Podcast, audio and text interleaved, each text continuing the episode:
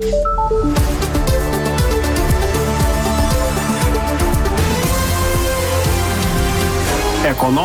šiandien. Laidą rengia Lietuvos laisvosios rinkos institutas. Labadiena, čia laida Ekonomika šiandien. Su jumis sveikinuosi aš, Karolina Mitskutė. Esu Lietuvos laisvosios rinkos instituto vyresnioji ekspertė kitą savaitę seimas spręs ar vaistinėje kad ji tinkamai veiktų privalo fiziškai būti bent vienas vaistininkas.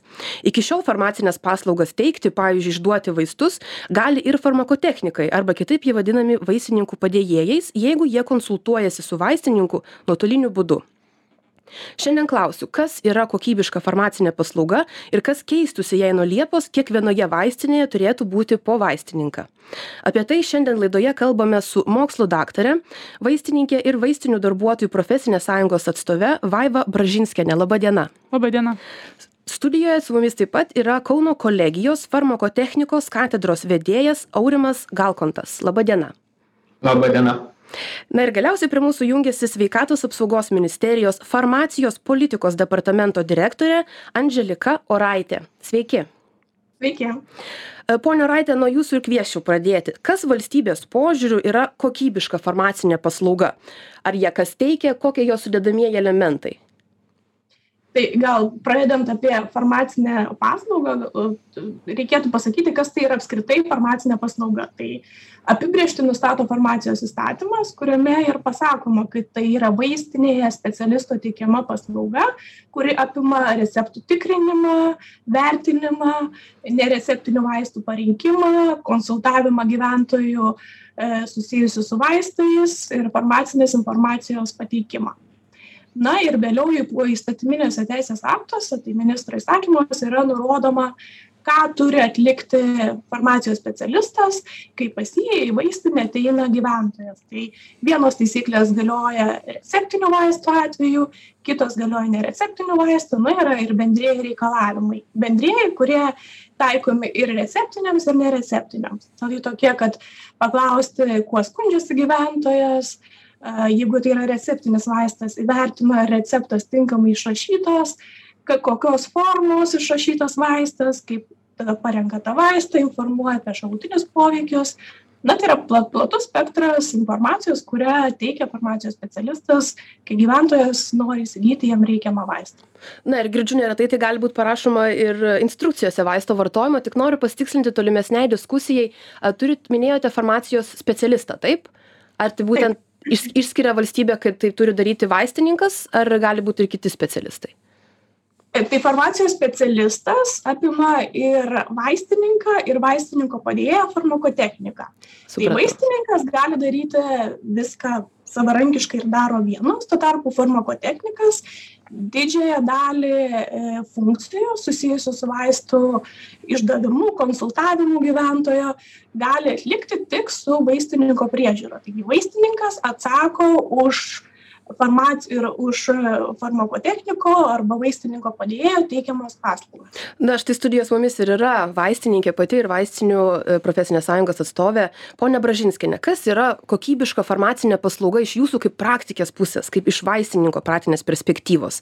Ir kaip apskritai vertinate kad dabar ir farmakotechnikai patys na kaip patys nepilnai savarankiškai bet konsultuodamiesi e, gali teikti tam tikras farmacines paslaugas? E, labai ačiū už klausimą, bet iš karto noriu Jūs pataisyti, nes Jūs pristatant laidą pasakėte kad ir dabar farmakotechnikai gali konsultuotis telefonu su vaistininku ir mhm. teikti e, farmacinę paslaugą lyg tai e, vaistininkas juos e, prižiūrėtų kažkokiu nuotoliniu būdu. Tai noriu pasakyti kad to šiuo metu nėra. Be abejo gali paskambinti kolegai bet tai yra kaip jūs paskambintumėt savo kolegai pasitarti. Tai nėra įteisinta kažkokioj darbo sutarty ar kokiais kažkokiais tai kitais būdais kad vat tas vaistininkas yra atsakingas už to konkrečiai farmakotechniko priežiūrą ir jam kažkokiu konkrečiu konkrečiu metu ten nuo aštuntos iki šeštos vakaro pavyzdžiui farmakotechnikas galėtų skambinti. Tai taip nėra. Dabar savarankiškai dalinai savarankiškai dirba farmakotechnikai. Tai tos nuotolinės priežiūros kaip kaipo tokios nėra nors dažnai yra kartojama kad jinai veikia. Tai noriu dar kartelį akcentuoti kad šiuo metu tokio dalyko nėra. E, kas yra kokybiška paslauga? Tai ko mes norim nu nuėję į vaistinę pirmiausiai? Tai pirmiausiai norim gauti atsakymus į mus kankinančius klausimus susijusius su, sveikatos problemom. Tai jeigu paslauga teikiama kokybiškai, pirmiausiai žmogus turėtų sulaukti ne vieno klausimo ir norėdamas ją gauti turėtų e, lygiai grečiai tame dalyvauti vaistininkui ar, ar farmakotechnikui tuos klausimus atsakydamas. Nes kokybiška farmacinė paslauga gali būti suteikta tik tada, jeigu pacientas bendradarbiauja su vaistininku. Mhm ir pone galkontai ar tik vaistininkai gali teikti tas kokybiškas e, farmacines paslaugas kaip jūs vertinate?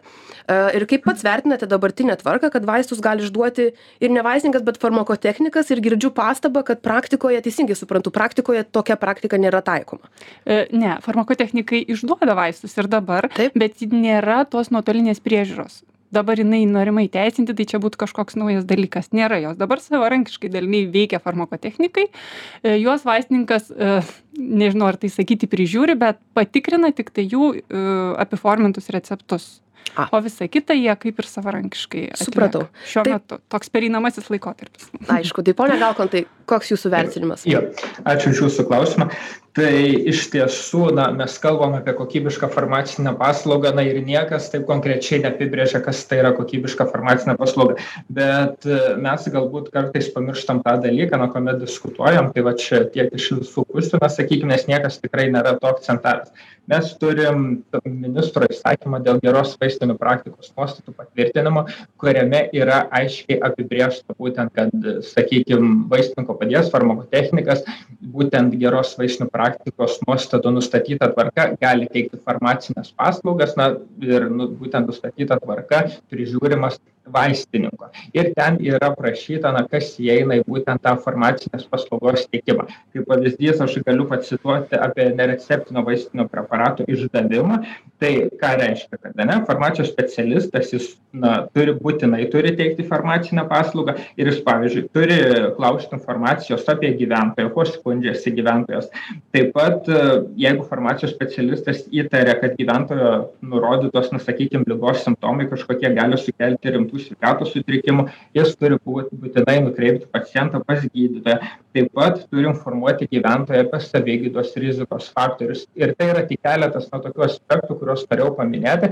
Ir ką tai reiškia būtent geros vaistų praktikos nuostatose kur yra numatyta kad šią paslaugą gali teikti tiek vaistininkas tiek farmakotechnikas. Tai va ir būtent mes sakykim ir stu vykda vykdydami studijas e, dėliodami na studijų programą ją kiekvienais metais atnaujiname atsižvelgiant į darbo rinkos pokyčius tendencijas europines tendencijas pasaulines tendencijas.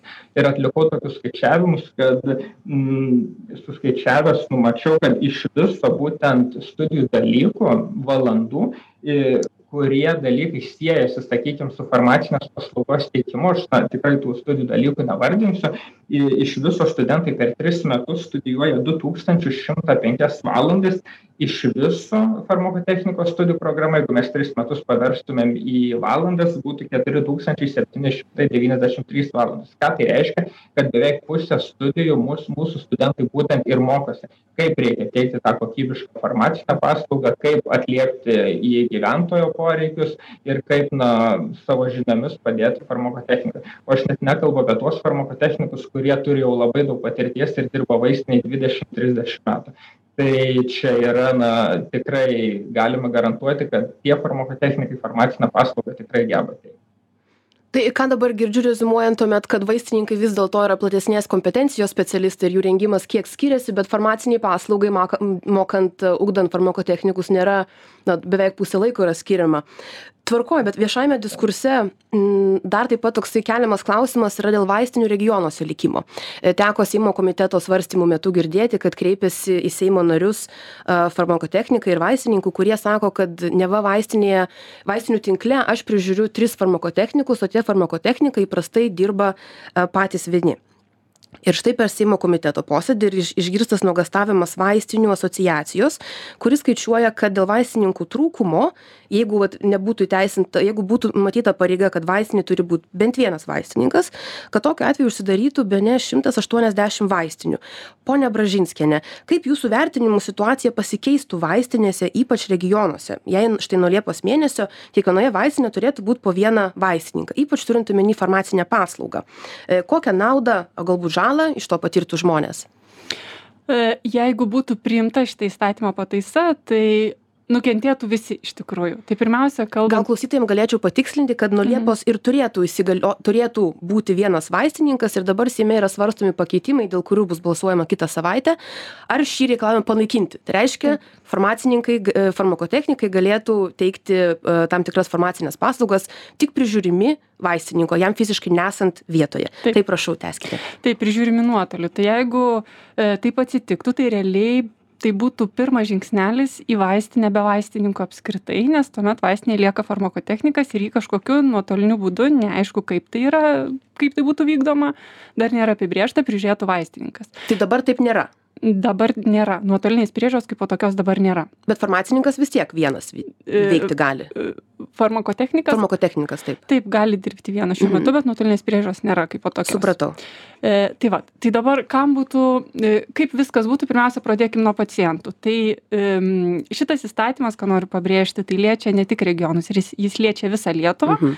e, absoliučiai visas vaistinės ir visose tose vaistinėse galėtų dirbti, jeigu būtų tai pataisa priimta, farmakotechnika su nuotolinė vaistininko priežiūra. E, dabar kas, kam tai, kaip būtų žmogui? Pirmiausia, tai nuo žmogaus nutolsta tam tikros paslaugos, nes vaistininkai skirtingai nuo farmakotechnikų, jie turi daugiau kompetencijų, turi gilesnės žinias. Mhm. Niekas nesako, kad farmakotechnikai yra kažkokie blogi ar, ar jie kažką ne, ne taip ar blogai daro, bet tiesiog kiekvienas turim savo funkcijas ir kiekvienas e, turim e, savo darbą vaistinėje, kurį turim daryti.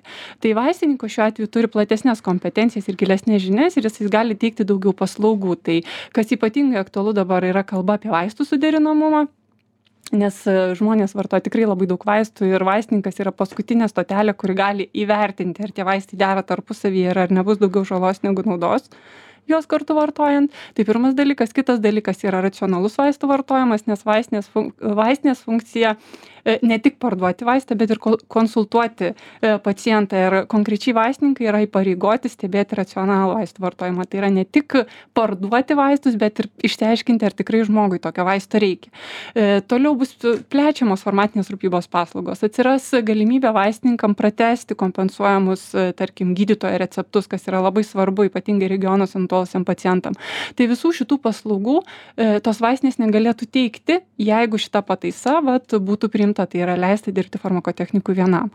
Toliau, kaip farmakotechnikai e, šitoje situacijoje jaustųsi. Tai lyg ir iš pirmo žvilgsnio atrodytų, kad jie dirba savarankiškai, bet iš kitos pusės tai taip išeina, kad jie turi atlikti, bandyti atlikti vaistininko darbą e, ir gauti farmakotechniko atlyginimą. Tai kaip ir aiškus labai mm, rezultatas viso to, kad jie kaip ir išnaudojami gaunasi, nes už mažesnį atlyginimą turi e, prisimti daugiau, daugiau visokių pareigų. Tai farmakotechnikam šitoje vietoje tai irgi nėra naudinga. Vaistininkam, na, vaistininkam čia iš vis įdomi situacija, nes tas priežiūro nuotoliu trijų farmakotechnikų neaišku, kaip tai vyktų. Ir apskritai toks klausimas kyla, ar kas nors norėtų būti atsakingas už kito žmogaus darbą, jo nematydamas absoliučiai, kaip jisai vyksta, nes įsivaizduokim, tai yra vyksta nuolatos konsultacijos pacientų ir kiekvienas farmakotechnikas ar vaistininko padėjėjas vertina tą konsultaciją pagal savo žinių e, lygį ir savo kompetencijas. Tai gali būti, kad jam ir nepasirodys, kad reikia, tarkim, gilesnės kažkokios, e, gilesnio požiūrį į tą situaciją. Vaistininko nebus šalia ir jisai nepaskambins. O jeigu ta situacija išvirstų į kažkokią tai problemą, nedaug dievės sveikatos sutrikdymus, kažkokius teisinius procesus ar taip toliau, tai visa šita atsakomybė neštų vaistininkas. Tai toks nesažiningumas, mano nuomonė, iš vaistininko pusės yra, nes jis patampa atsakingas už trijų vienu metu dirbančių farmakotechnikų darbą kuriuos kažkaip nuotoliu turėtų sukontroliuoti, nebūdamas šalia ir negalėdamas pats įsiterpti į pokalbį tarp paciento ir, ir, specialisto, matydamas, jeigu yra tam poreikis.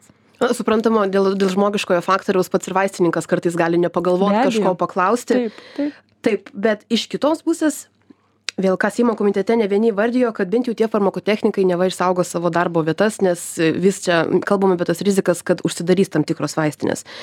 Pone Galkontai, kaip Jūs vertinate, ar geriau ar blogiau būtų, jeigu farmakotechnikai nebegalėtų dirbti be štai esančios fizinės vaistininko priežiūros? Aš kaip suprantu, a, ponia Bražinskė, Jūs pritartumėte tokiam variantui, kad farmakotechnikas veikia, jeigu yra fiziškai vaistininkas vaistinėje? Taip, be abejo, ir mes esame už tą komandinį darbą ir mes nuolatos kalbam, kad turi būti du specialistai ir netgi jeigu toks modelis į, būtų įgyvendintas, tai farmakotechnikų trūktų šiuo metu. Tai vat, čia mūsų svajonė. Ir vaistininkų, ir visų specialistų taip, visada taip, taip. trūksta. Tai ponia Galkontai, kaip vertinate, geriau ar blogiau?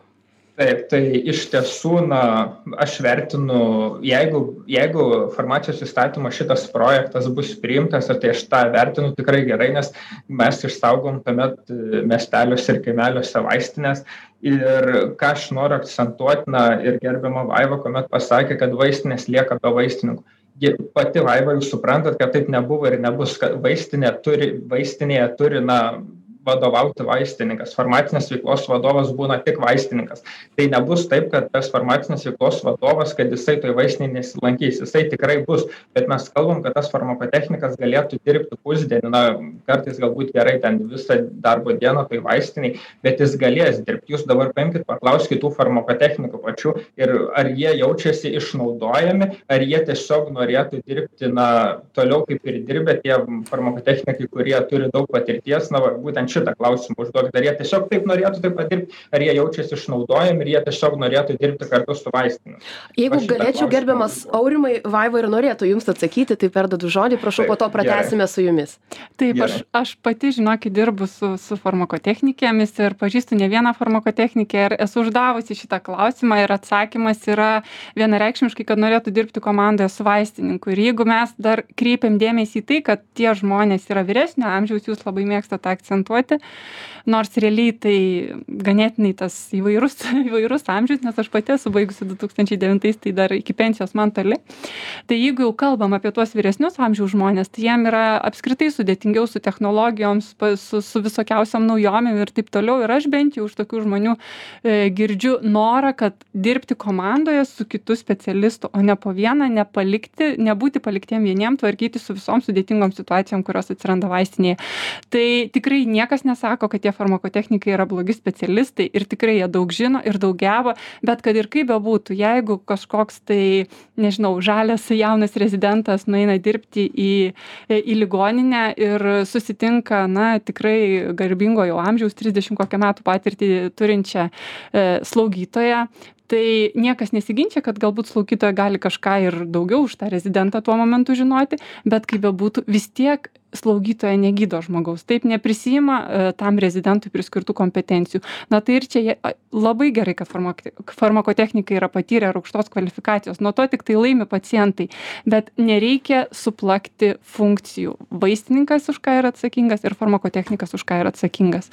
Tai na labai svarbus akcentas. Turėtų būti žmonės abu nes vidutiniškai dar labai noriu pasakyti europos sąjungoje vienoje vaistinėje dirba du vaistininkai ir septyni e, farmakotechnikai vaistininkų padėjėjai. O pas mus labai dažnai vaistinėj dirba apskritai tik du specialistai kurie keičiasi tarpusavyje. Na tai ta komandos norėtųsi tiesiog. Šiuo klausimu iš tikrųjų aš suprantu labai gražūs norai mes irgi pacientai to norėtumėm bet situacija yra tokia kad visi skundžiasi kad vaistininkų apskritai specialistų ypatingai trūksta o tie farmakotechnikai dabar kurie galėtų tas paslaugas teikti na jų kėdės irgi irgi braška. Tai visi tie argumentai visų šalių ir yra įgarsinami ir svarstomi bet aš puikiai pritarčiau jums kad tikrai būtų komandinis darbas geriausias. Pone galkontai dar pamąstymų ar arba replikos jo dar norėčiau šiek tiek na taip dėl komandinio darbo na aš irgi kaip pasakyt sutinku ir mes studentų mokom to komandinio darbo.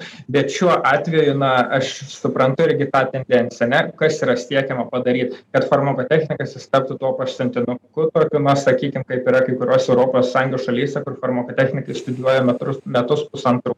Gerai ten na sakykim kompetencija nėra tokia tai jisai ir gali būti na toks kaip pasakyt būtent tas vaistininko padėjėjas pagal jo ir profesiją bet pas mus farmakotechnikai. Ne be reikalo jie yra rengiami tris met trejus metus na tai jie tikrai turi pakankamai kompetencijos verstis ta veikla. Ir aplamai mes kalbam apie komandinį darbą ir jūs labai dažnai tą akcentuojat bet jūsų akcijos na gerbiama vaiva jūsų profsąjungos akcijos to tikrai neparodo kuomet jūs visai lietuvai skelbiat kad laidojam farmaciją tai čia kieno yra laidojimas ar kad vaistinės užsidarys ar čia jum liūdna kad tie du šimtai farmakotechnikų aš dar kartą akcentuosiu mes su tuo įstatymo projektu kalbam apie du šimtus farmakotechnikų kurie dirba mažuose miesteliuose ir kaimeliuose.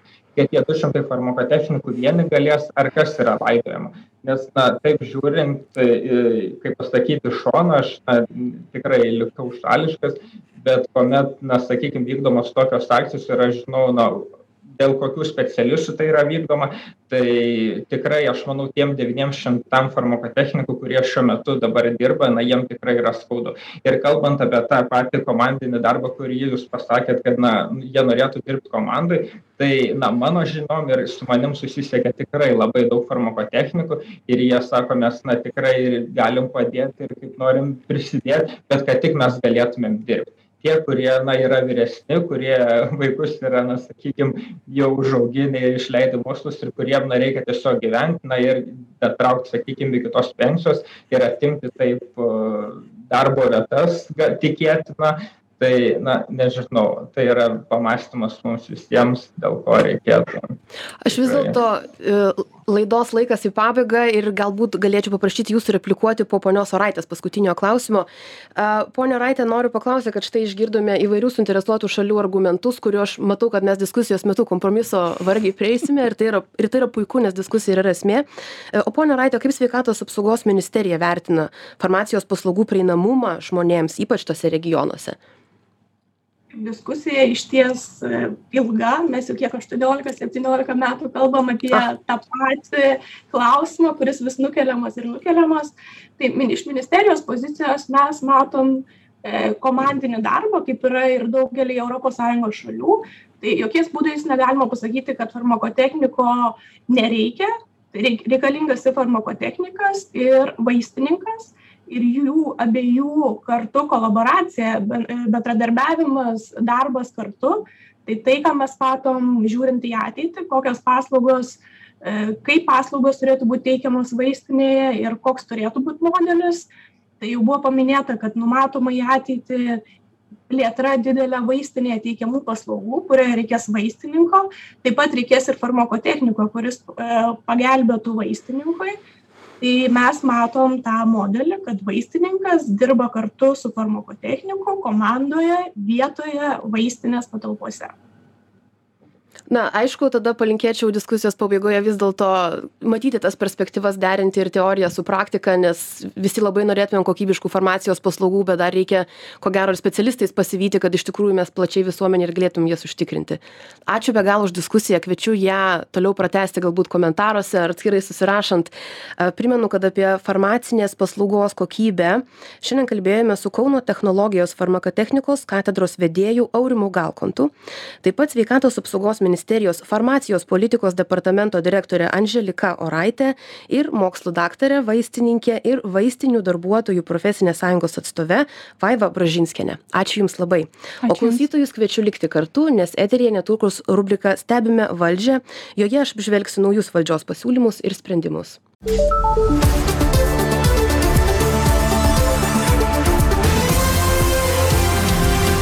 Ekonomika šiandien.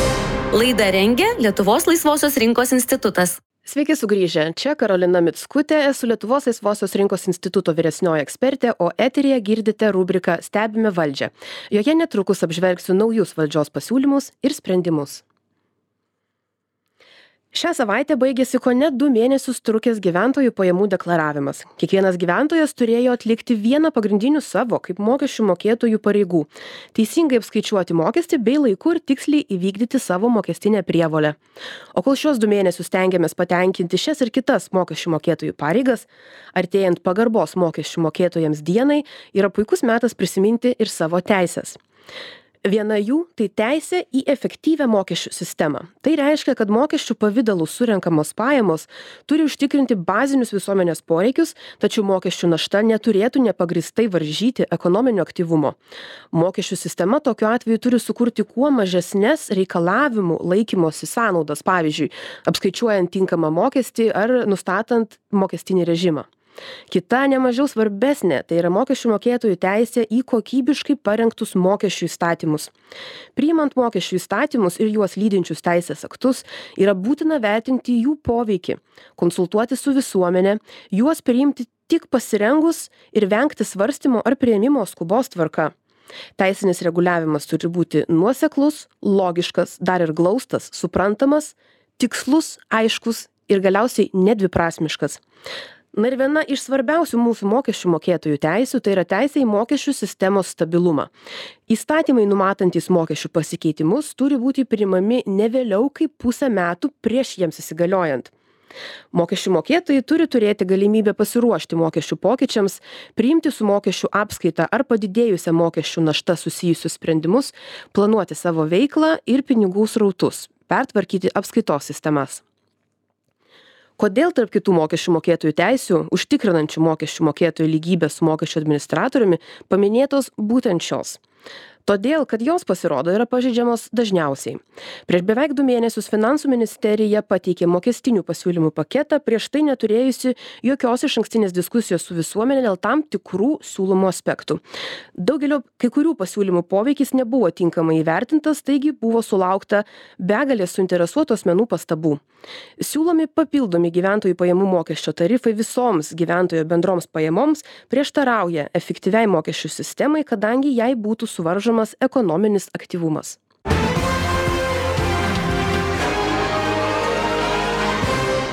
Praėjusiu metu lapkritį įsigaliojęs ir jau nuo šių metų gegužės įmamas taikyti skaitmeninių rinkų aktas.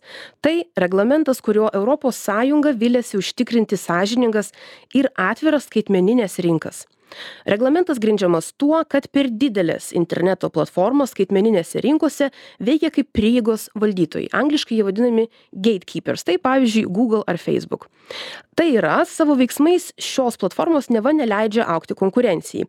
Tokiu būdu prieigos valdytojai vykdo veiklas kurios europos komisija laiko nesąžiningomis minėtu reglamentu siekiama neva apsaugoti verslo klientus vartotojus ir inovacijų kūrėjus startuolius tačiau šiuo atveju trūksta nešališko ekspertinio šio ribojimų neigiamų pasekmių vertinimo tiek šiems rinkoms dalyviams tiek ekonomikai. Galiausiai ir mum visiem patiem.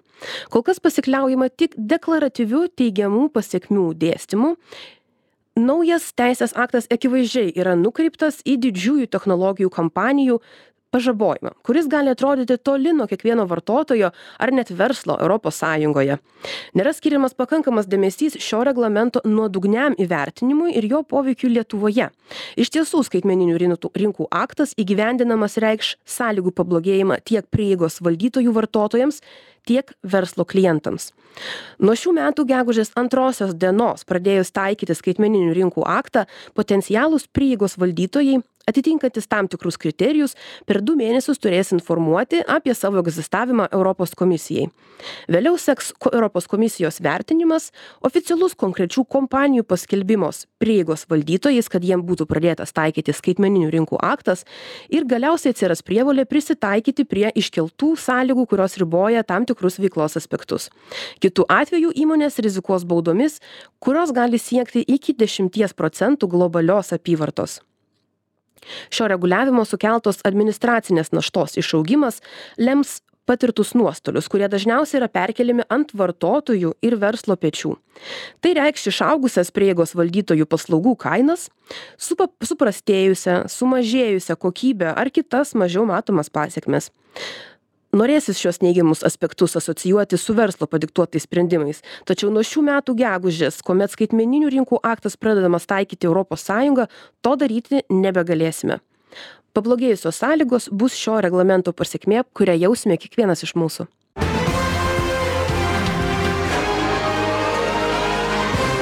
išsamią monetarinės politikos analizę atlikęs lietuvos laisvosios rinkos institutas skelbia kad pandemijos laikotarpiu euro zonos ekonomiškai praktiškai neaugant apyvartoje esantis pinigų kiekis buvo reikšmingai padidintas. Tai buvo vienas iš veiksnių sudariusių palankias aplinkybes visuotiniam prekių ir paslaugų brangimui du tūkstančiai devynioliktaisiais metais euro zonos bendrasis vidaus produktas siekė dvylika trilijonų eurų kai pinigų kiekis sudarė trylika trilijonų eurų per pandemiją atotrūkis tarp ekonomikos dydžio ir pinigų kiekio tik išryškėjo. Bendrasis vidaus produktas per dvejus metus praktiškai neaugo ir toliau sudarė dvylika trilijonų eurų o pinigų kiekis išaugo ketvirtadaliu ir pasiekė jau šešiolika trilijonų eurų tokį procesą be kita ko įgalino europos centrinio banko monetarinės politikos pokyčiai kai pagrindiniu įrankiu tapo kiekybinis skatinimas o ne bazinių palūkanų normų reguliavimas. Per pandemiją dešimteriopai padidinti vertybinių popierių supirkimo mastai leido atidėti laikinai galimą ekonomikos nuosmukį. Tačiau už tai teko sumokėti išaugusiomis kainomis dėl spartaus pinigų kiekio didinimo kainų lygis euro zonoje per dvejus metus išaugo net penkiolika procentų. Lietuvoje nuo euro įvedimo pradžios du tūkstančiai penkioliktaisiais metais iki pandemijos pradžios kainos išaugo dvylika procentų o vos per dvejus pandemijos metus net trisdešim dviem procentais tokiomis aplinkybėmis pinigai vis prasčiau atlieka mainų vertės kaupimo bei apskaitos įrankio funkcijas. Tai reiškia kad du tūkstančiai dvidešim pirmaisiais metais prasidėjęs itin spartus infliacijos augimas lėmė kad už pi pigių pinigų srautus visuomenei teko sumokėti pinigų nuvertėjimo forma šiandien tiek. Ačiū kad esate kartu